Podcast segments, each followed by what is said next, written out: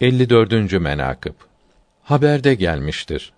Resulullah sallallahu teala aleyhi ve sellem hazretleri buyurdular ki Osman bin Affan'ın şehit olduğu vakitte kıyamet gününe kadar her kim Müslümanların erkeğinden ve kadınından Osman'ın şehadetini okuyunca yahut dinleyince yahut fikredince, düşününce onun sebebiyle mahzun ve mamum gamlı olup gözünden yaş gelirse o kimsenin kulağı ölüm zamanında la büşra müjde yok nidasını işitmez.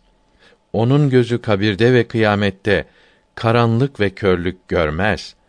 Onun gönlü dünyada ve ahirette ayrılık derdiyle dertlenmez. Yani müjde var nidasını işitir. Kabir ve karanlıkta görür. Gönlü açık olur.